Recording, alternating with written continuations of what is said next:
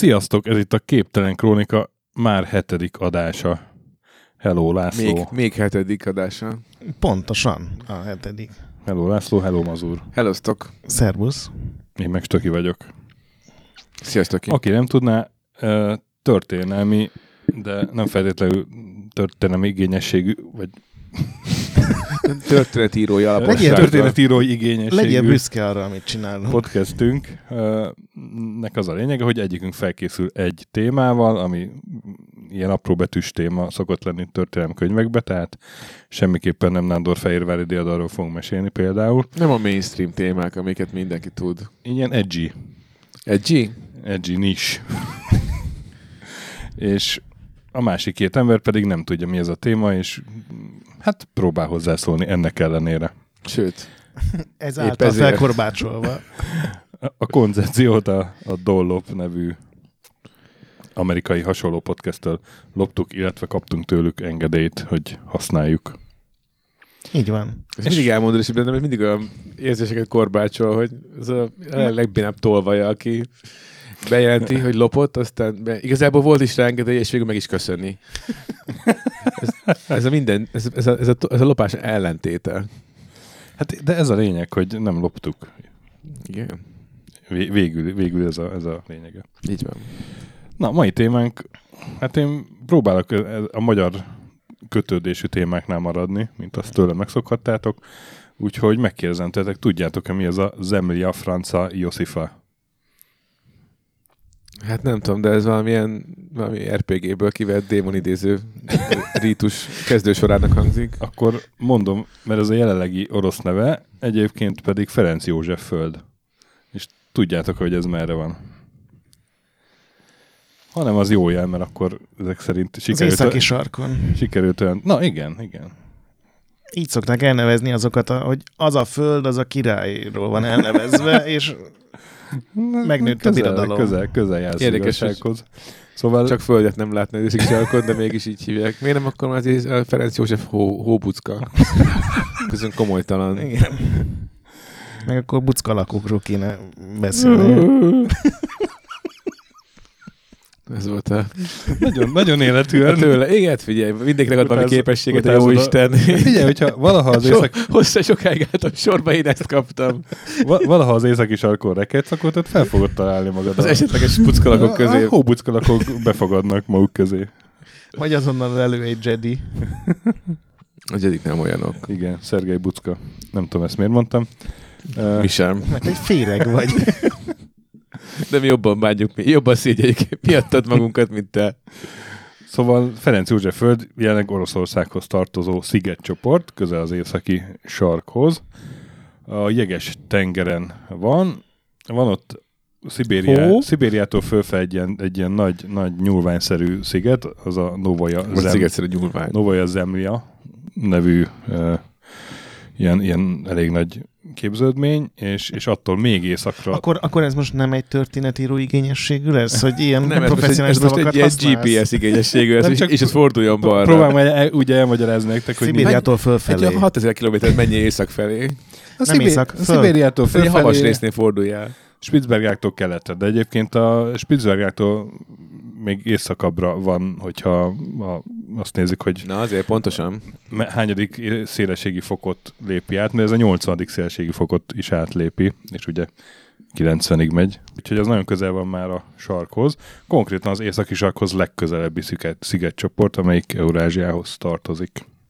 Na, jó, most már végre, most már egy pontos. Igen. Nem, nem hiszem, hogy nagyon sok politikai dolog történhetett ott. Hát Ferenc József biztos nem fotózkodott ott a Igen is, meg nem is. rajongóival. Mm, El, eljutunk oda. Annyit még elmondani, tehát 191 szigetből áll, úgyhogy ez elég sok apró szigetet jelent. Még annyit elmondanék, hogy az átlagos napi ö, legmagasabb hőmérséklet januárban az mínusz 10 és fél Celsius fok, tehát ez a legmagasabb napi Uh-huh. átlagos hőmérséklet. Januárban ez nem, nem egy pontos Júliusban, ami a legnagyobb hónap, a legmagasabb az akár 2,2 fok is. Na, hát az már Az évi, Haverok buli fanta. évi délre középhőmérséklet, megolvad a kitett tej. évi középhőmérséklet az Helyről most ne beszélj. mínusz 13 fok között van. Ja, és a felmelegedés meg smafú. Ja, hát ezek régi adatok. Ja, hát egyébként, Gondolom nem, nem, nem, nem sürgetik a kutatók, hogy visszamenjenek megmérni. egyébként van... Mennyi, meg friss adatokat, ma jövőre ráér. Egyébként van növényzet is, mindenféle zuzmók, helyi állatok közül a legjellemzőbb a Fóka? jegesmedve, a rozmár, meg a sarkiróka, meg egy meg mindenféle madár. De találtak az egyik szigeten egy, egy eh, 1300 éves szarvas agancsot is, ami azt, azt mutatja, hogy voltak melegebb időszakok, amikor a rénszarvasok felmentek odáig. Vagy hogy az agancsot messzire viszi a víz. Vagy hogy repülőgéből kidobtak egy szarvasagancsot, mert Ez egy léghajóból, Egy, mert egy 1300 éves szarvas agancsot. egy 1300 éves léghajóból. És hát gyakorlatilag... Nekünk kéne történésznek állnunk. Szerintem ez a, ez a podcast Ezt már feljogosít, ez már feljogosít minket erre. Annyi elméletem van még. hogy, hogy az igazság, az, az tényleg az-e. Hát minden létező ö, perspektívát meg szeretnénk vizsgálni a tényeket, miért állásfoglalunk. Természetesen gyakorlatilag lakatlan a szigetcsoport. Azért, És a rozmárok. azért gyakorlatilag, mert Ők ezt vitatnák. Na ez a poén, szokták. ez a poén elég rossz már, úgyhogy lépjünk tovább. Azért gyakorlatilag, mert, mert ilyen egy-két ilyen katonai, meg tudományos kutatási létesítmény van, ahol néha ott tartózkodik egy-két ember, de az oda látogatás az külön engedélyhez van kötve. De szerencsés senki nem akar engedélyt kérni, nem? Nem hiszem, hogy túl lenne terhelve a zu- vízumiroda. Né, néha turisták mennek oda, jégtörő hajóval természetesen, mert mással nem nagyon lehet, és, és a melegebb hónapokban, és né, a, Idézőjel. a, a helyi, helyi faunát csodálják, tehát a, a vadon élő rozmárokat kb. Meg a buckalkok. Nem, nem olcsó egy ilyen mulatság. Na, szóval arról szól a mai sztorink, hogy ez a festői földdarab, ez hogyan fedezték Amennyi fel. meg kizárólag fehér festéked van. hogyan fedezték fel, és hogyan lett Ferenc József föld, és ehhez el kell mesélni nektek a dicsőséges osztrák-magyar északi sarki expedíció történetét. Én már fölkészültem az elfagyott lábakra. Én is erre gondoltam, hogy egy-két kifolytott bundakesztyű azért szegélyezi majd ezt a dicső történetet. Nem, Azt tudjátok, hogy a számhúzó kutyának mérgező a húsa, és hogyha már arra fanyalodsz, akkor egész biztosan elpusztulsz, mert ilyen Nem. pszichózist okoz. Komolyan. Ez pont egy ilyen másik Be lehet, sarki tépni a, be lehet tépni a Husky-tól. Nem, meghalsz. De előbb lehet, hogy betépsz. Na, szóval ezt, a, ezt, Ezt elraktároztuk ezt az információt. ezt az expedíciót ezt 1872 és 74 között vezették. Az előzmények az voltak, hogy, hogy hát ugye a 19. század közepére már szinte mindent felfedeztek a Földön, ugye, a Ausztráliát is keresztbe kasul, és hát a sarkvidékek maradtak. Ugye tudjuk, hogy elég nagy versenyfutás ment a déli sark felfedezéséig, de az északi sarkon is elég sűrűn váltogatták egymást a felfedezők, főleg miután egy német térképész ezt, ezt nagyon bátorította így a, a kutatásai alapján, hogy a északi sarkot már pedig fel, érdemes lenne felfedezni, mert ott valószínűleg van egy úgynevezett Na, mit hazudott be? várjál, Egy kilátó. Egy titkos város? Úgynevezett észak-keleti átjáró, vagyis egy olyan tengeri útvonal, ami a Atlanti óceánt és a Csendes óceánt ott fönn összeköti, Oroszország szibériai partvidéke mentén, és hát az nyilván kereskedelmi meg az tök jó lenne, és hát az volt a feltételezés, hogy, hogy, hogy ez, ez hajózható a meleg hónapokban. Egyébként valóban van egy Meleg ilyen, hónapokban. van egy ilyen átjáró, de tehát, hogy, hogy ez létezik valóban, és bizonyos részei viszont évente csak olyan egy-két hónapig mentesek a jégtől, tehát Hát a meleg ne, nem lehet egész hón- hónapban, egész évben hajózni. De ezt akkor még nem tudták, hogy, hogy mennyire jeges, és próbálták felfedezni. És hát Ez mindig jó egyébként, amikor jön egy térképész, és azt mondja, menjetek oda a halálzónába, és fedezzétek föl. És igen, ott volt a térképésznek mindig a, a szélen, még a Hirby Dragons kategória, és akkor így piszkálta a csőröket, hogy mi lehet ott. E, Biztos jó, biztos érdekes, vagy biztos nincs annyira, annyira nem lehet hideg. Most mennyire lehet hideg? És ott vannak mindenféle ilyen idegen nevekről, felfedezőkről elnevezett képződmények, például a Barents tenger, ami ott a Spitzbergek, meg a említett Novaja Zemlya között van. Azt például egy Barents nevű felfedezőről nevezték el, aki arra felé mászkált sokat. De a mi szempontunkból akik érdekesek, azok Julius von Payer és Karl Weiprecht. A korabeli újság magyarosan Payer Gyulának meg Weiprecht Károlynak írták itthon, de, Dicső magyar. de, És aztán. Verne Gyula megírta, de valójában ezek nem igazán vagy voltak Maj Károly. magyarok. Majka, a rövidebb nevém. Igen. És tehát őket bízták meg a expedíció vezetésével, Kicsoda? Csak úgy? Majd mindjárt mondom. És tettek is egy előtanulmányként egy, egy ilyen tájékozódó előexpedíciót. Pre- hogy ez... Prexpedíció. Nagyon jó, nagyon jó. Kibéreltek egy norvég vitorláshajót, és ö, 1871-ben ott hajóztak egyet fölfelé, a 73. szélségi fokig jutottak el. És a Spitzbergáknál nyílt vizet találtak, ö, 71 nyarán, júniusban, és azt gondolták, hogy akkor tovább is biztos van jég nélküli Ha víz. itt víz van, mindenhol víz van. Karcsi, ez fassa lesz. Toljuk, Gyula. Toljuk Gyula.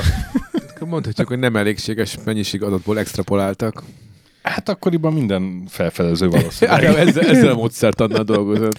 Na, egy, csak így kicsit, hogy, hogy ez a Weiprecht, vagy Karl Weiprecht, az uh, igazából német volt, Bad Königben született ha- 1838-ban, és uh, ő, ő azért volt talán a, a expedíció vezetője, mert ő elég sok mindent látott addigra.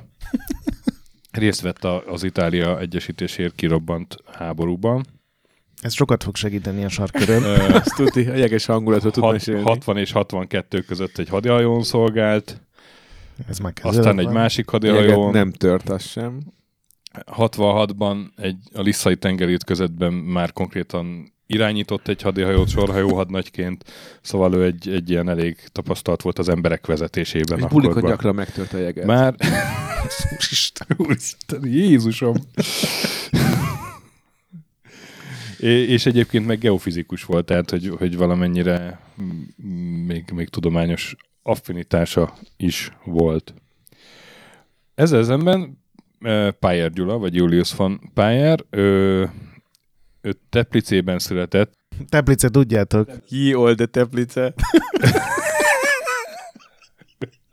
ő, ő se volt tehát magyar, viszont ő is katonai kiképzést kapott, a Bécsőhelyi Tereziánum katonai akadémián tanult, aztán sorra lépett előre a ranglétrán, a Szolferionoi csatában 59-ben részt vett, és és aztán hadnagyi rangig Participation Awardot vitt haza onnan. a kusztodzai csatában meg hősiességért ki- kitüntették, de ami az expedíció szempontjából fontosabb, ő gyakorló hegymászó volt, a Alpokban elég sok, sokat túrázott, részletes térképeket készített a túráiról, mert, mert még térképész is volt, és Szerintem rólunk sose fog szólni ilyen, ilyen adás valamikor később. mi hogy- rólunk Igen, hogy térképész is volt, alpek, alpokat mászott. Hát a hány, Szóval- já- hány játékban én már felfedeztem a minimapot, a Fog of War-t eltüntettem Szóval ő-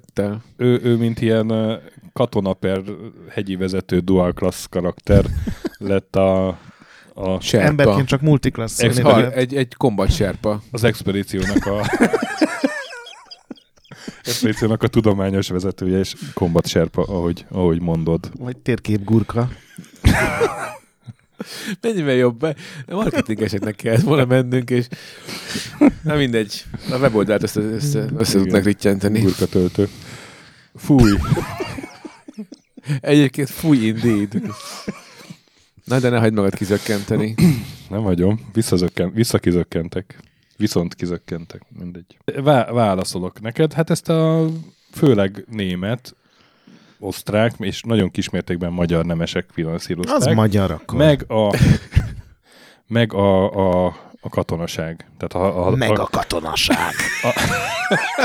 egyébként, meg, egyébként meg a katonaság, mert, mert uh, ugye dualizmusban vagyunk, és közös, hagy, közös hadügyminisztérium volt, tehát A meg a hadügy. Meg a hadügy. abszolút a meg a, katona, a meg a hadügyminisztérium, De... de, Aki egy félig robot, félig ember volt. de Johann Wilczek gróf volt az, aki kezdte az egészet. Tipikus. A, Kibergróf. Tipikus kibernév. a osztrák földrajzi társaság Egyre vezetőjeként nézném ennek az anime változatát. 40 ezer forintnyi összeget ajánlott fel a expedícióra, ami hát nem volt kevés, ha jól emlékszem, akkor Széchenyi ugye 60 ezer, ezerrel tolta meg a Magyar Tudományos Akadémiát, és az az egy évi jövedelme volt. Úgyhogy ez, ez nem volt kevés pénz, aztán csatlakoztak mindenféle egyéb nemesek, meg hát a kormányzati szervek is, mint mondtam. A vállalkozás teljes költsége az 222 ezer 599 forint volt, tehát Még egyet nem tudtak volna hozzárakni? és 19 fillér. és magyar részről, tehát mondjuk 222 és fél ezer, és magyar részről 7500 forint. Hogy Ott tettük magunkat. Az több, az, az két százalék, nem? Az körülbelül. A, a legtöbbet Zicsi Edmund tolta bele egyébként a, a magyarok közül, de az Eszterházi is, Széchenyi család is valamennyit adott.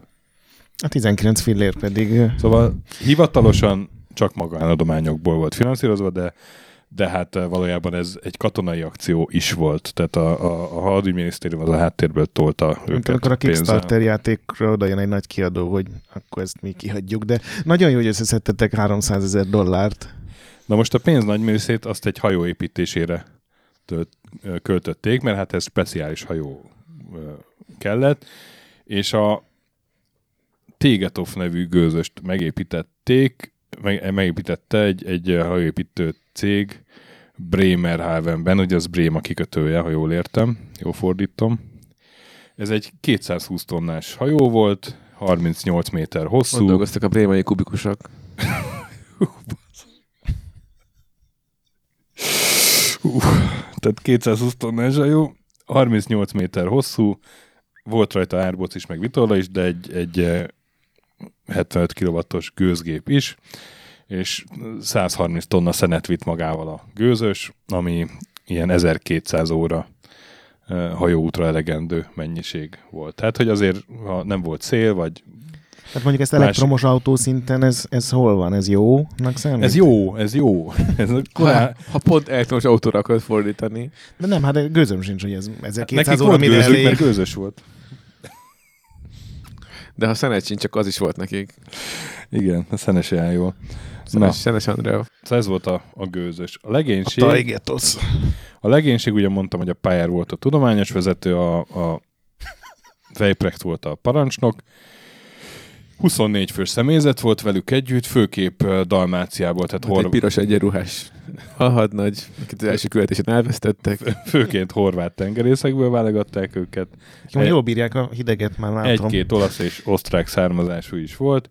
Volt egy, egy norvég szigonymester, Elling Olaf Carlsen, aki, aki így a, a, hát így a helyi viszonyokat ismerte Meg a egy- szigonyokat. egy darabig, egy darabig, és az egyetlen Munkája valóban és hobbija is. Egyébként a szigonymester is egy ilyen D&D special class, nem? Hogy 15. szint után a warrior tud. az, az, az túltolta a specializációt, igen. ha már szigolymesternek hívják. Na de, tehát 24 fő személyzet, az egyetlen magyar, valóban magyar tagja dr. Kepes Gyula volt, a hajóorvos. Tehát azért ez egy fontos feladat volt. Kep- és Kepesre bízták a, a hajóorvos az expedíció állat- és növénytani gyűjtő munkáját is. Tehát neki kellett ott összegyűjteni mindent, amit talált. Szegény a rozmárral birkózni. Fókákat berángatta. Na, hát a neveket nem olvasom fel, de megvan a, a Örülök az ön megtartóztatásodnak. ezeket a neveket a Return of Obradinben találtad egyébként? Ap, annyira be, bevillant egyébként, amikor olvastam ezeket a neveket, a a Return of Obradin. Pontosan, hogy, hogy mintha így, így, így a játékban olvastam, hogy ugye az egy ilyen hajós játék, amivel a legénység sorsát kell kideríteni, és akkor, hogy A vajon, tragédia után, ez fontos. vajon, vajon Anton Vecsen a hajóáccsal mi történt? A rozmár agyar kicúrt Igen, le. és Az akkor látsz a... egy ilyen felvillanó ro- dühös rozmárt, ahogy Abszolút. Sásandít. Ab, abszolút. Vagy érted, Lorenzo Marola, a fiú mely matróz. Mi lett vele? Lorenzo Lamas őse volt egyébként, ezt kevesen tudják. Mindegy, menj tovább. Nem tudtad, nem tudtad. Na, a legénység... Nyol... A legénység 1872. május 31-én indult vonattal Brémába, és Azt hittem, hogy az Igen, ez, expedíció... egy, ez még csak egy ilyen preindulás volt. Az expedíció június 13-án indult el.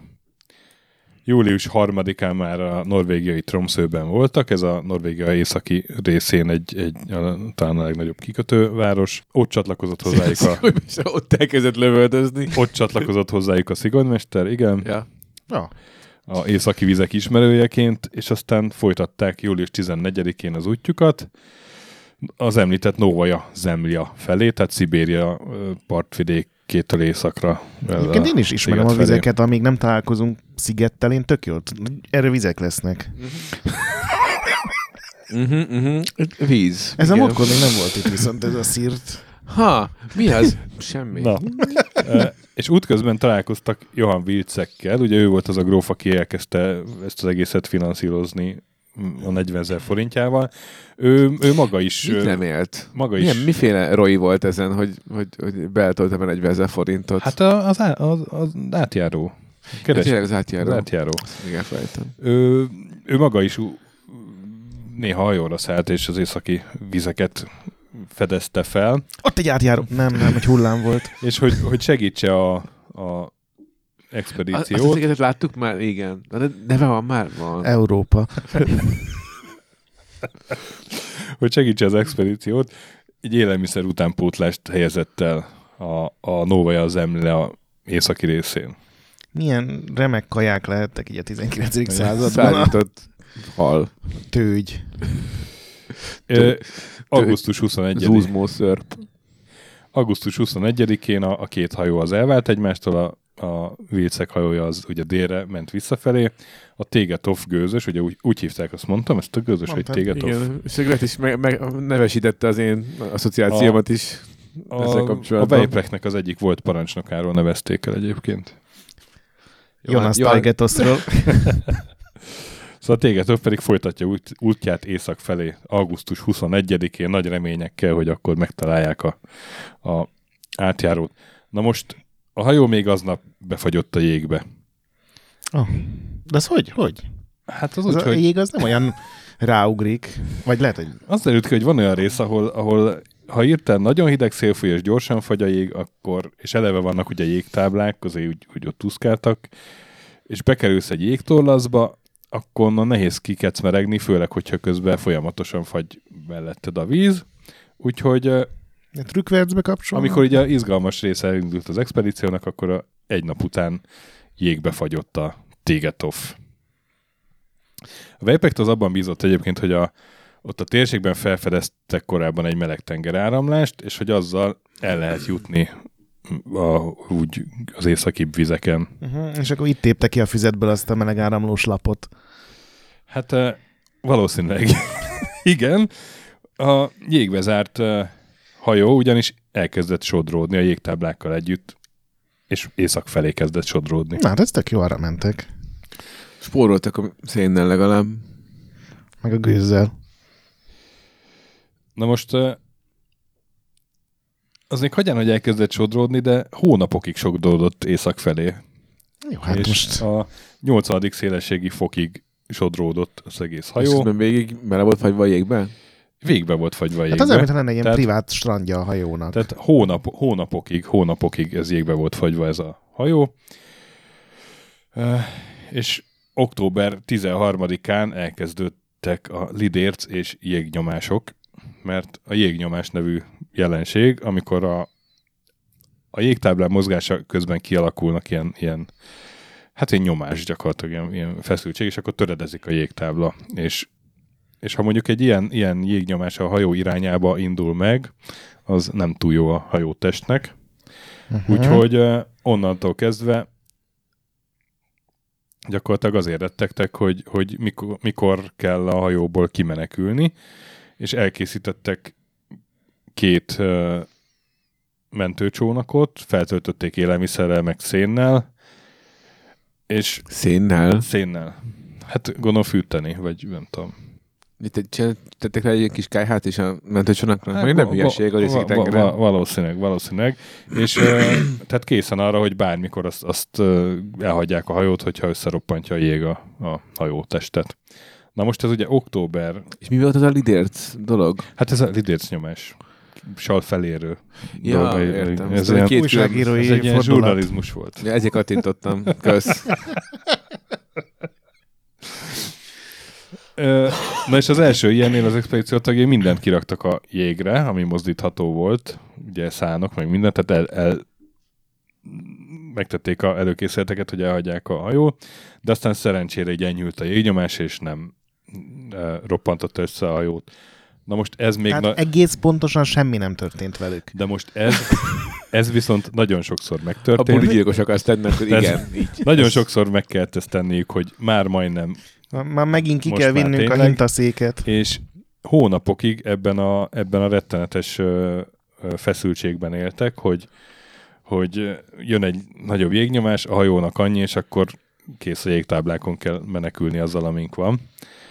Na most, hogy még nehezebb legyen a helyzetük, Néha volt egy ilyen kis intermezzo, hogy kiraktak például egy, építettek egy kis kunyhót, hogy, hogy ott lehessen melegedni a jégen, meg nem tudom, és raktak abba szenet, meg, meg tartalékot, meg hogy onnan könnyebben tud, tudnak akkor majd elmenekülni, és az a kunyhó az például egy ilyen jégnyomásnál egy az egybe eltűnt egy csomó ilyen fával, meg, meg szénnel együtt. Tehát voltak ilyen kis intermezók.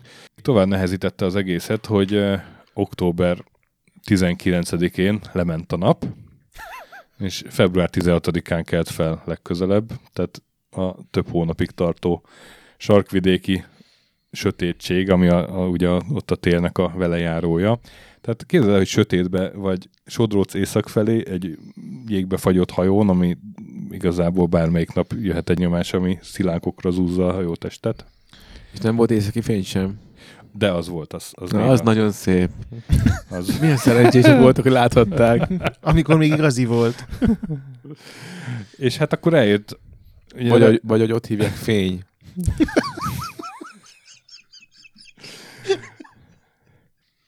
Tehát, hogy, hogy milyen, milyen volt akkoriban mindennapi élet. Nyilván embertelen körülmények voltak, és Arkörön túl a, a mínusz 50 fokos hideg se volt ritka, tehát volt olyan, hogy a, a hőmérő higanyszála is befagyott, és nem tudták, hogy a, annyit tudtak, hogy, hogy, Hideg van. hogy, hogy a, még annál hidegebb van, mint a higanynak a fagyáspontja, nem tudom, az mennyi.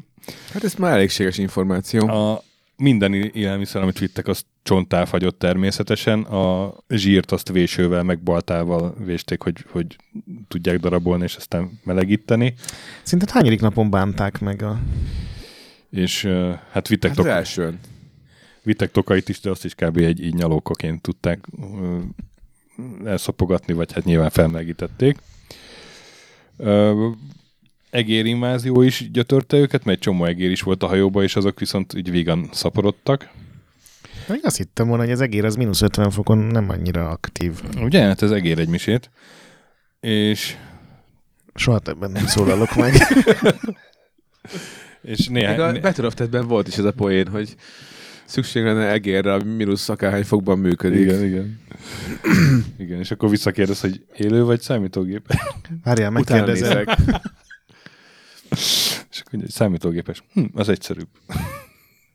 Na, itt még ráadásul élőegerek is működtek mínusz van. 50-ben. Így van, és a legénység néhány tagját egy idő után más korbut is gyötörte, ugye ez a C-vitamin hiányos betegség. Legalább a magyar úrnak volt dolga. Ami a magyar úr az kiválóan kezelte egyébként a, Mondta, hogy egy ember dolgozott ott rendesen. a kor, a kor But. orvostechnológiai csúcs technikájával, citromlével.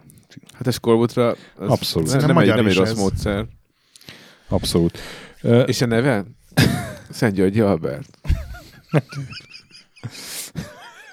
Akkor fedezte fel. Ezt kevesen tudják egyébként.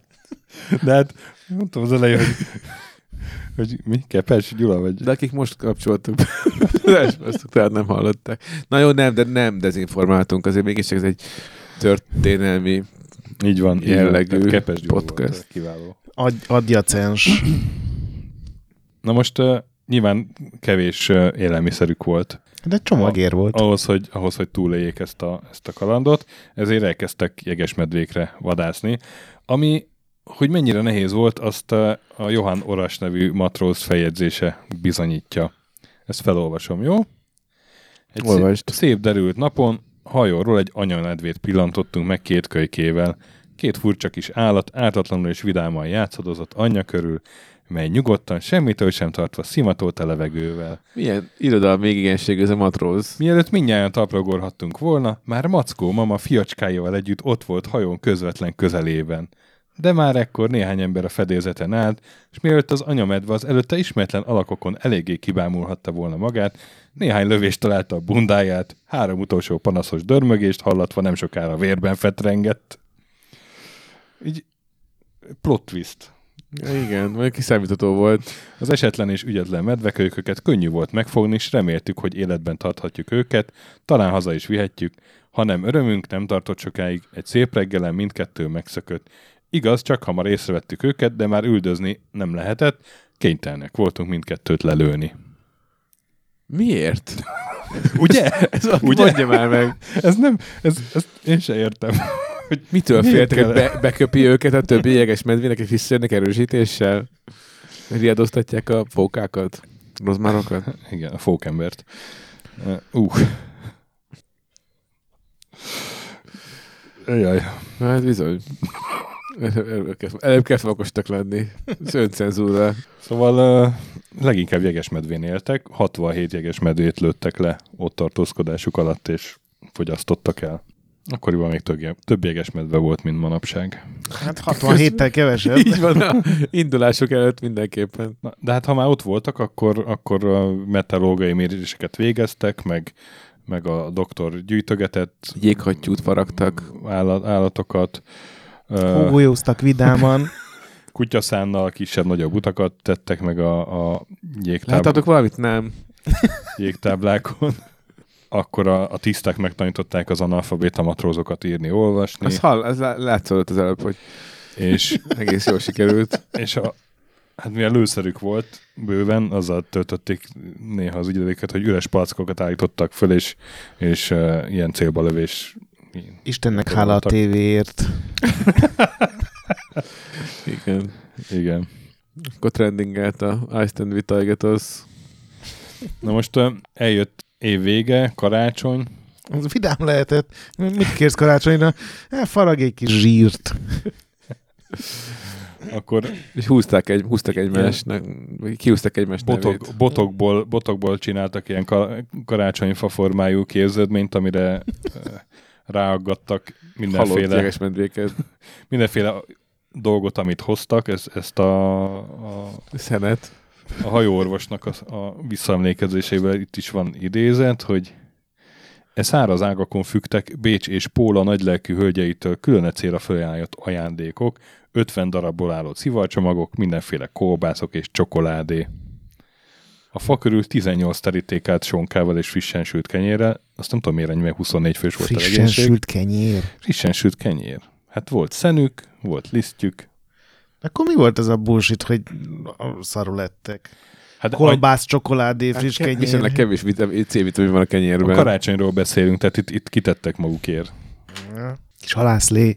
és különféle fajú papra morgókkal teli palackocskák, mely utóbbiakat az asztal körül csoportosult matrózok a legpompásabb ünnepi ajándék gyanánt fogadtak. A parancsnok, kit a matrózok hatalmas éjjenekkel fogadtak, beszédet tartott, mely az ünnepére vonatkozott, azután az ajándékokat kisorsolták. Szóval a, az milyen, ünnep... milyen évértékelő beszéd lehetett. És Én nem te- tapsoltam volna. Mit tervezünk jövőre? Hát ö, jó itt igazából. Hogy látod magad öt év múlva? Tervezünk. Bővülés, horizontális vagy vertikális? Igen. Szóval, Szóval... emberek, az elementary lehetőség nyitott mindenki számára a hajón. szóval megtartották az ünnepeket, és a, a szörnyű körülmények ellenére a morál sem volt rossz. Nekem nagyon rossz lett volna a morálom. Nekem is. Ezért nem megyünk mi soha felfelé Eljött. útra. Eljött 73 nyara, amikor felmelegedett az idő, és próbálták Akkor 10 hónapja vannak a buliban. Aha. Tulajdonképpen igen. Próbálták kiszabadítani a hajót a jég fogságából, és nem sikerült, pedig még ott dinamittal is robbangattak körülötte, de Még az biztos biztonságos dolog a hajótest körül dinamitozni.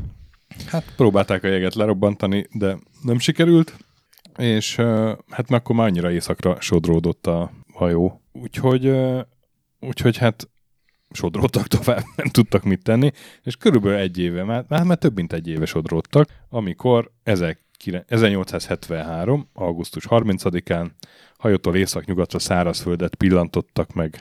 És hogy tudták megkülönböztetni a szárazföldet a többi A a jég- jégtáblától? Igen. Szerintem voltak ott olyan magaslatok, sziklaormok, amik, amiket így nem terített be a jég. Ja, igen, tehát így nem egy ilyen havas. Ott tudom, több jég nem van. tudom, láttam-e szárazföldet. Láttam, de ahogy elképzelem éjszakon, ott eh, nagy fehérben, tehát nem hinném, hogy egy általában vagyunk a szárazföld, ez mindig zöld, mindig ott valami, Mhm. valami, valami, életteltő dolgot el. Hát minimum, nem? Szóval egészen pontosan 372 napig sodródott észak felé a Tégatov, amik megpillantották a, ezt a földet. De irányítani nem tudták magukat, nem? Na, Hanem Hát pontosan irányítani nem tudták magukat. A, kormány, a, kormányos mennyire, a kormányos mennyire szarul érezhette magát, nem? mi tudott kormányozni. Tehát ez, ez Be, és ő beviette a kormányt a kabinjába, és ott Igen. is, ott is ide aztán hatékonyan. jött megint a sarki tél, ugye most augusztus 30-án vagyunk, de az, az, az arra felé korán jön, és megint annyira befagyott ott a tégetov, hogy látták a szárazföldet, de nem tudták elé, nem voltak eléggé közel ahhoz, hogy, hogy, hogy oda menjenek azért. Úgyhogy még a szilvesztert is úgy töltötték, hogy 1873 szilveszterével, hogy, hogy ott jégbe volt fagyva a hajó, ott körbejárták, aztán aztán meg, megállapították, Be hogy van fagyva tényleg. Hans nálad? Nem, itt is be van fagyva. És aztán, aztán hát még közben még voltak ilyen, ilyen kis malőrök, hogy az egyik, egyik, egyik matróz véletlenül átlőtte az alkarját, és akkor őt is meg kell gyógyítani. De szerintem annak mindenki örült, hogy történik valami. Hallottad? Hát, hogy azért lőtte át magának, hogy róla beszéljenek. Ilyen attention Ö, whore. De most Kellett, egy, kellett valami a Insta sztoriába. 1874. februárjában elkezdtek tanácsko- ö, tehát összejött egy tanácskozást a parancsnok, és azt mondta, hogy srácok, két telet túléltünk a jégbe fagyva, Akkor az összes sikerül, hiszen ahol víz van, ott mindig ez a, víz lesz. ez a hajó egy harmadikat már biztos nem fog kid- ki, Ah. bírni, mert hát ugye nyilván a jégnyomások valamennyire azért roncsolták a hajótestet, és akkor a Tégetov már elég rossz állapotban volt, meg kicsit az oldalára is dőlt. Úgyhogy elhatározták, hogy, hogy ha kicsit melegszik az idő, akkor, akkor elindulnak arra a földre, aztán hát lesz, ami lesz. Ez mindig jó. Jó, jó terv, ami Hát, azzal végződik, hogy és akkor lesz, ami lesz. Nem, hát nyilván, tehát hogy, hogy, hogy valahogy eljutnak Novaja zemljára, az volt a Mhm. terv. A, a, arra a csúcsra, ahol el, a gróf eldugta nekik a, a hattápot. Uh-huh. 1874. március 10-én a legénység egy része partra is szállt a szárazföldön, és elnevezték Ferenc József földnek. A képes Gyula beszámolójából ez is megvan, hogy most közelgett az ünnepélyes pillanat, újonnan felfedezett föld megkeresztelése, mint minden keresztelési ünnepénél a bor kimaradhatatlan kellék, úgy itt is elkerülhetetlen. A törzs és a legénység tehát poharakkal felszerelve megjelen, és háromszoros hurrá kiáltással végbe megy a keresztelés, és az ismert világ ezen perc óta Ferenc József császár földdel gazdagabb. A világ örült szerintem.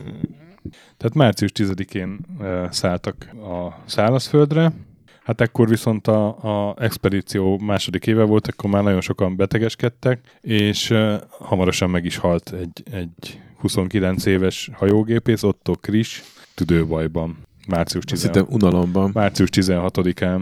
Az a hajógépésznek se volt túl sok dolga. Elnevet, eltemették a, a Otto Krista Ferenc József földnek a Vilcek földön elnevezett részén. Ugye ez volt a gróf, aki először rögtön elneveztek egy, egy területet. Március 12-én egyébként azóta is egy kereszt jelzi a sírját neki.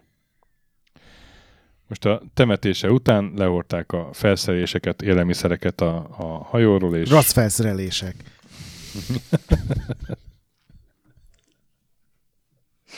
Úristen. Oké. Okay. megindultak dél felé. És az egyik, egyik ilyen felfedező úton, meg voltak ilyen előörsök, a, például Pályár és még hatan, három kutyával előre mentek, hogy a sziget északi kiterjedését megállapítsák. Voltak kutyáik? Ja igen, voltak kutya. Ezt nem mondtam? Volt. Nem. Hét kutyájuk volt, hét számhúzó kutya. De ott beszakadt alattuk egy jég, és beestek egy, egy ilyen jégszakadékba, tehát nem, nem vízbe, de mindenkit ki tudtak menteni igazából. Úgyhogy ez egy szerencsés baleset volt. Szóval bejárták ott a, a szigeteket, amit tudtak, elneveztek, egy csomó, csomó mindent a hajó kell, hajón kellett hagyni, tehát a, a jegesmedve... Végén fogytak az ötletekből, és már ilyen bögre, A sziget. szurdok. Nem, hát hát Zicsi volt Ausztria szoros, ugye Vilcek földet mondtam, Zicsi föld, de még Budapest fok is, amit igazából Pestfoknak neveztek el, mert nem tudták, hogy közben otthon Buda és Pestből ez 1873-ban Budapest lett, és Lol. akkor később mondta, ja jó, akkor legyen Budapest fok. Ez még ma is létezik? Igen, Ott vagyunk a világtérképen? ott vagyunk a világtérképen. Egy második Budapesttel? Budapest fok. Jó. Ö, szóval nagyon sok mindent a hajón kellett hagyni, például a jó doktora teljes növény és állatgyűjteményét kénytelen volt ott hagyni, meg a, a jegesmedve bundákat, ugye volt 67 je- jegesmedve bunda, úgyhogy csak a legszükségesebbet vitték haza. És Haza? hát tulajdonképpen igen, mert hogy május 20-án, 74. május 20-án elindultak hazafelé, és hónapokig mentek először a, a De vár, várjál most, egy, egy, kikötöttek egy szigetcsoporton. Így van. így van. És onnan hogy mennek haza? Hát Gyalog? A, a befagyott jégtáblákon gyalog, pontosan. De hát az csak így valameddig ér, nem? Hát ők bíztak abban, hogy valami lesz a másik ha itt, ha oldalon? itt úgyis be van fagyva minden, akkor Nóval az emláig is be lesz fagyva, és különben is több hónapig tart az út, és Hát mire, mire, mire több mint egy évük volt arra, hogy me, tehát megtapasztalják, hogy azért a jég az bizony tartósan meg tud fogni dolgokat. Jó, jó, csak meg hát, ö, meg hát ahol, ahol meg nem volt jég, ott csónak, tehát hát mind a három csónak, ami volt nekik, azt vitték. Tehát, ahol nem volt jég, ott gondolom csónakba mentek. Uh-huh. és szárazföldön meghúzták magukkal, vagy, vagy szállították a csónakot, és így még, még további hónapok keserves munkájával, hát ez ugye keresztül vergődtek Ferenc József földön, meg aztán délre jutottak Nova Zemlehoz, és, és oda akartak menni, ahol volt ez a élelmiszercsomag, de az áramlás egy sziget másik pontjára hajtotta a csónakot, és Hát- akkor Mi az a még három hónap, amíg átmennek? és akkor már, már nagyon kevés kajájuk volt, meg itt ugye nem voltak jegesmedvék, Leadták a És- dolgot egymásnak. abba bíztak, hogy, hogy csak találkozunk Egy meki, valami, vagy valami csak lesz. valami hazafelé. hajóval, hát akkora mozgolódás itt az északi sarkör környékén, és szerencsére augusztus 24-én egy orosz bálnavadászhajó fel is fedezte őket, felvette az expedíció tagjait, és, és 812 napig tartott ez a expedíció, tehát, És igen, sikeres volt. és a norvégiai Várdőbe vitte őket, ahol, ez a hajó, ahonnan meg néhány óra alatt telegráffal értesítették Bécset és Budapestet, hogy megmenekültek. Nem, hogy, hogy oké, sikerült a küldetés. Igen, oké, oké, és a átjáró. Na most innen, Arról majd otthon. innen különféle utakon így, így haza jutottak, ki, ki, ki, kinek mi volt a haza, és akkor uh, megkezdődtek a beszámolók a expedíciókról. Ezek szerencsére tök jó fönnmaradtak. A, egyrészt ez a Julius von Payer írta le nagyon részletesen, nyilván a Weiprecht is uh, csinált egy, egy hivatalos jelentést, magyarul pedig a Képes Gyula fordított le sok mindent, illetve ő maga is előadásokat tartott a Magyar Földrajzi Társaságban. Meg a vasárnapi újság ö, közölte ezeket. Na most, a, ja, itt a forrásaimat nem mondtam el, de például a vasárnapi újság, a- ami az Arcanumban elérhető, meg, meg ennek a expedíciónak nagyon jó Wikipedia oldal van egyébként, tehát ugye, így nagyon sok mindent onnan vettem. De hát- Magyarul van? Vagy? Magyarul, ha, és, és ennek az oldal, tehát azért látszik, hogy az oldal is olyan forrásokból is dolgozott, amiket magam is megtaláltam, van tök jó Rubicon cikk, meg Indexen is vannak erről mindenféle cikkek így az archívumban, de, de a, a korabeli izék azok a Arcanumról vannak. Mi volt az értelme ennek az expedíciónak? Hát az lett volna, Nem, nem. Mi volt? az, Igen. hát a, az értelme az volt tulajdonképpen, hogy, hogy felfedeztek egy új földet, földrészt, Ezt a szigetcsoportot. ezt a szigetcsoportot. Tehát Ferenc Igen. József örült. Na most, a, tehát, hogy mik voltak a, a, az utózöngék, azért azt, azt elmondom, hogy Vej- Weiprecht jelentésében kitér arra, hogy, hogy azért ezek nagyon állták a sarat, ezek, ezek a, ez a 24 ember. A tisztek és a legénység az utazás egész tartalma, sár. egész tartam alatt mind fizikai, mind erkölcsi tekintetben kitűnőnek bizonyultak. A hideg csak csekély hatással volt rájuk, embereink oly könnyen tűrték azt, hogy néhányan közülük egész ott létük alatt sosem vett magára bunda öltönyöket. Otto meghalt ugyan a hidegtől, de Nem, TBC-től. Mondtuk neki, ne futkározom pólóban, de hát Otto. Kla- klasszik Otto. Erkölcsi magaviseltük határozottan dicséretre méltó volt, büntetések csak ritkán fordultak elő, legterhesebb körülmények közt sem tapasztaltam náluk, elkedvetlenedést, fegyelem elleni kihágások nem fordultak elő. Akkor miért volt büntetés? Lámpa volt, és nem beszélgettek, vagy mi volt? Elemlámpáztak, a, bejött a tanár. Istenem. Igen. Na most a hazaérkezésük után nyilván nagy nyilvánosságot kapott a, a, a beszámoló, és a világtörténelemnek egy, korá, egy korábbi számában találtam egy cikket, ami kitér arra, hogy, hogy milyen média mm, háború volt így a, a, az egész köt, mert hogy, hogy német nemzetiségek vezetésével történt a, a, az expedíció, úgyhogy, úgyhogy a, az osztrák sajtó az, az teljesen oda volt, és a B, kihangsúlyozta a bécsi sajtó, hogy a csak osztrák-német vezetéssel lehetséges sikerre vezetni egy ilyen több nemzetiségű expedíciót, és akár a teljes monarchiát, ha már itt tartunk. de ez nem lett sikerre vezetve ezek. Tehát az, hogy túlélték, ezt majdnem mindenki ezt- túlélte, ezt az nem siker, egy siker. sikerként tárolták. Ezzel szemben Prágában, akkoriban ugye a dualizmus volt, de nagyon szerettek volna a csehek egy trializmust, ami nem jött össze. És a trialista kísérlet kudarca után a prágai újságok értelmetlenek nevezték az ünneplést, az egész Na. expedíciót bohózatnak, tudománytalannak, eredménytelennek, mesterségesen túlértékeltnek. Pedig majdnem mindenki visszaért. És, És majdnem a, meg, megtalálták, amit kerestek. Egyébként a bécsi ö, katolikus konzervatív sajtó is bírálta a felhajtást, és azt mondták, hogy hát ez az alulművelt tömegnek a, a szórakoztatása, és a, nem, a, nem a szomjazó tudásvágy miatt parádézott az utcán. Mit szóltak volna ezek, bazd meg a Twitchhez, meg a... A, bor, a Bors Online-hoz. Hát, nem tudták ezek. Amit mindenki nagyon kiemelt egyébként a parancsnokok közül, az a magyar Kepes Gyula hajóorvos teljesítménye, hiszen az, azért az tényleg egyetlen egy embert vesztett el a két és fél év alatt a- az expedíció, és Az Igaz, 4 ez- százalék. Igaz, ezt félrekezelte, de Annyi, annyi citromlét nyomott le a torkám. és, és, és na, rettenetesen túl, túllogosította. Na most a, az egy érdekes dolog, hogy Ferenc Józsefföld messze volt attól, hogy, hogy érdemes legyen, vagy, vagy felmerüljön az igény, hogy az legyen magyar, darma, magyar gyarmat.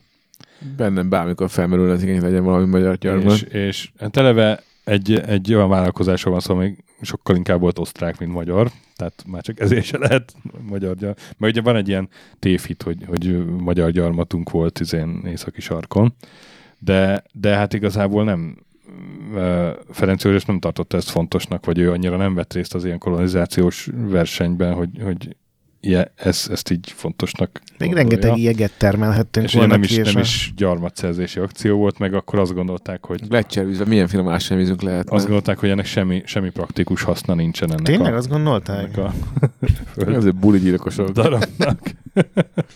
Pedig De- hát ott vannak... Ö... Jeges medvék. Nem olyan sok már. Úgyhogy maradt az ünneplés, és egyébként a Edward Strauss, akkor egyik kiemelkedő zeneszerzője írt egy Weiprecht Payer March néven egy ilyen Jégszonáta. egy, egy zeneművet. Na és akkor még csak, már csak annyit hadd meg, hogy mi lett velük. A kórusmű szövege. Jég, Ö, jég. Több, több Mennyi jég? a, az expedíció vezetőit, meg kulcs embereit az több város díszpolgárává választ- választották.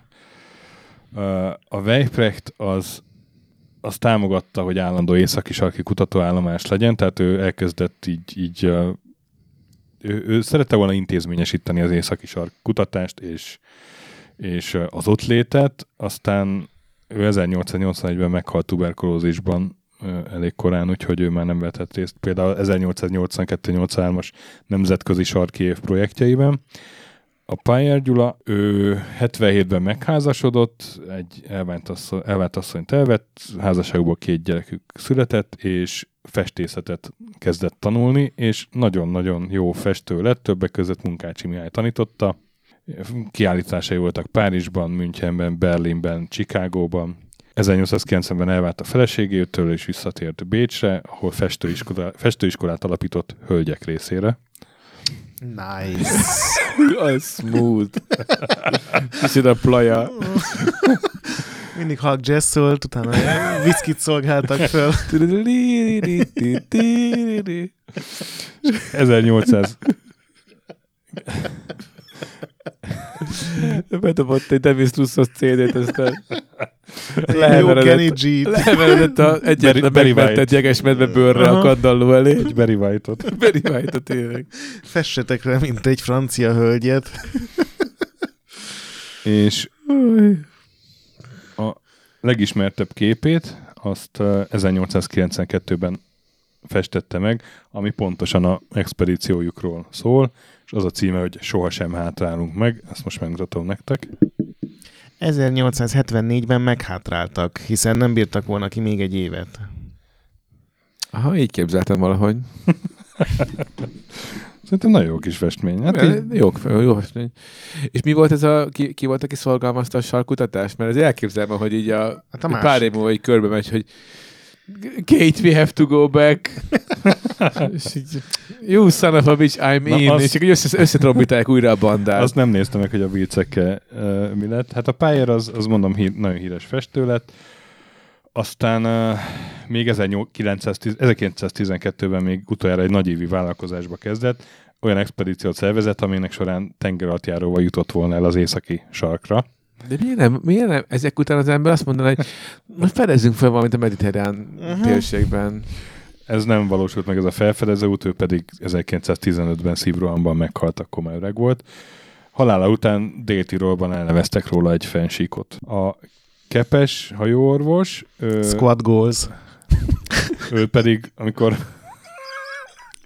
hazaér, akkor, akkor több ö, tudományos testület is tiszteletbeli tagjává választotta. A különböző helyőrségeknél szolgált, majd 1904-től a Honvédelmi Minisztérium egészségügyi osztályának vezetője lett. 1924-ben halt meg Budapesten.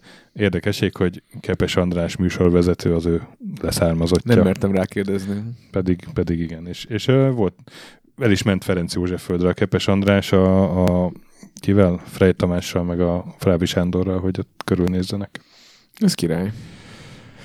És akkor mi lett Ferenc József földdel? Már csak ezt szeretném elmondani, hogy ugye nem tartottak rá igényt, és ennek, Furcsálom. Ennek azt, megfelel- hittem, azt hittem, hogy összevesztek rajta. Pedig elképesztően sikeres volt az expedíció. ennek megfelelően sokáig senki földje maradt. Olyannyira egyébként, hogy, hogy idei hír, idén augusztusban volt hír, hogy öt új szigetet fedeztek fel még ott. Na hát lett volna még, a- vissza kellett volna menni. Mert az oroszok elkezdték rendesen feltérképezni. Azt feltételezik, hogy, hogy egy gletszer korábban betakarta ezeket a szigeteket, csak hát ugye globális felmelegedés. Hála Istennek, most a globális felmelegedés miatt legalább megtudjuk, hogy mi Több szigetet lett a magyar gyarmaton. Na, De most nem olyan- ezért, ez is, ma, ez is mai hír, És akkor, hogy, hogy olyannyira, olyannyira senki földje volt a Ferenc József föld, hogy az első világháború utáni békeszerződésekbe egyszerűen kifelejtették. És 1926-ban jutott eszükbe a szovjeteknek, hogy hé, ezt, ezt nem kéne annektálni. És akkor, És akkor de... be, bejelentették igényüket. Annekta E- Space Program. Erre a norvégok is kapcsoltak, és, és oda küldtek két hajót, hogy ők legyenek az elsők. De hát ugyanúgy jártak, mint a, a Tegetov, hogy befagytak a jégbe, és a Szedov nevű orosz jégtörő megelőzte őket, úgyhogy a szovjeteké lett a Ez, Ferenc ez így József működik, föld. hogy aki előbb odaér? Hát, ez ilyen tag? Akkor így működött. Hát illetve, hogyha jégtörővel mész, akkor ez mondjuk egy egyenlőtlen küzdelem. Na de hogy ez így működik, hogy azért a sziget, aki előbb oda küld? Hát akkoriban így működött. Illetve legyen nálad zászló, az Senki nem, nem formált rá jogot előtte, és ahhoz meg gondolom oda kellett menni, hogy jogot formálj, nem tudom. No flag, no és country. ennek, hogy kié, ugye most, most az oroszoké, ennek még, még nagy jelentősége lett, mert, a, mert ott a környéken, a Barents tenger alatt elképesztő gáz és olajtartalékok vannak, tehát olyan tartalékok, amik meghaladják a jelenlegi ö, orosz kitermelést. Úgyhogy, és hát a globális felmelegedés egyre hosszabb időszakban lesz ez hajózható, úgyhogy ott egy, egy, egy ilyen komoly Tehát 150 évvel megelőzték gazdasági, korokat. nem tudom, hát gazdasági szempontból egyre érdekesebb az a terület. Na, most száz év múlva nézzünk vissza oda, addig azért több, több minden látszik majd. Na, hát ez volt a dicsőséges osztrák-magyar északi sarki expedíció és a Ferenc József föld története. Azt a dicsőséges, ezt azért megcsillagoznám, hogy, Figyelj, nekem ez leginkább arról szól, hogy az, az ember az, menny, hogy igazi férfiak az mi, mi, mi, mi, mi, mi, mindenre képes, milyen körülmények között képes túlélni. Meg. Tehát, hogy ez, Kicsit, kicsit lehal a PlayStation Network, akkor az ember tényleg így neki tud lódolni ez, a így a, ez, így, ez így az ember diadala nekem ez a sztori. Nem, nem az, hogy, izé, hogy, hogy tudományos expedíció, meg nem sikerült megtalálni. Hanem Meg hogy mindig öltözünk rétegesen. Két, két és fél évig ezek ott, ott jeges medvén, meg nem tudom, fagyott zsíron, de túlélték. Fagyott zsíron túlélni. Ősi kínaiátok, élj túl fa- fagyott zsíron. Hát mindenképpen diadala valaminek. De hogy a mostani életemre nehezen tudok ebből tanulságot fordítani, az, az egészen biztos. Én már reggel a kocsiban majd megfagytam, úgyhogy úgyhogy ö, hát meginnék most egy jó bögre forró teát.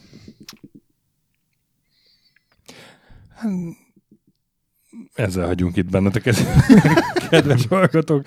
Ígyatok meg ti is egy jó bögre forró teát, és közben gondoljatok a 24 emberre. Plusz ránk. Ja, meg erre a háromra. Na, Nekünk is kemény volt azért ez így, most egy órát itt beszélgettünk. És reggel kellett fölkelni, mert ez korán délelőtt Én alul föl. egy kicsit, úgyhogy ez az inges picit híves is, úgyhogy ki van a vesém, és az Jó van. szék se túl kényelmes. Legközelebb jövünk egy másik vesével. Vese-vese vátka. Sziasztok! Sziasztok! Sziasztok!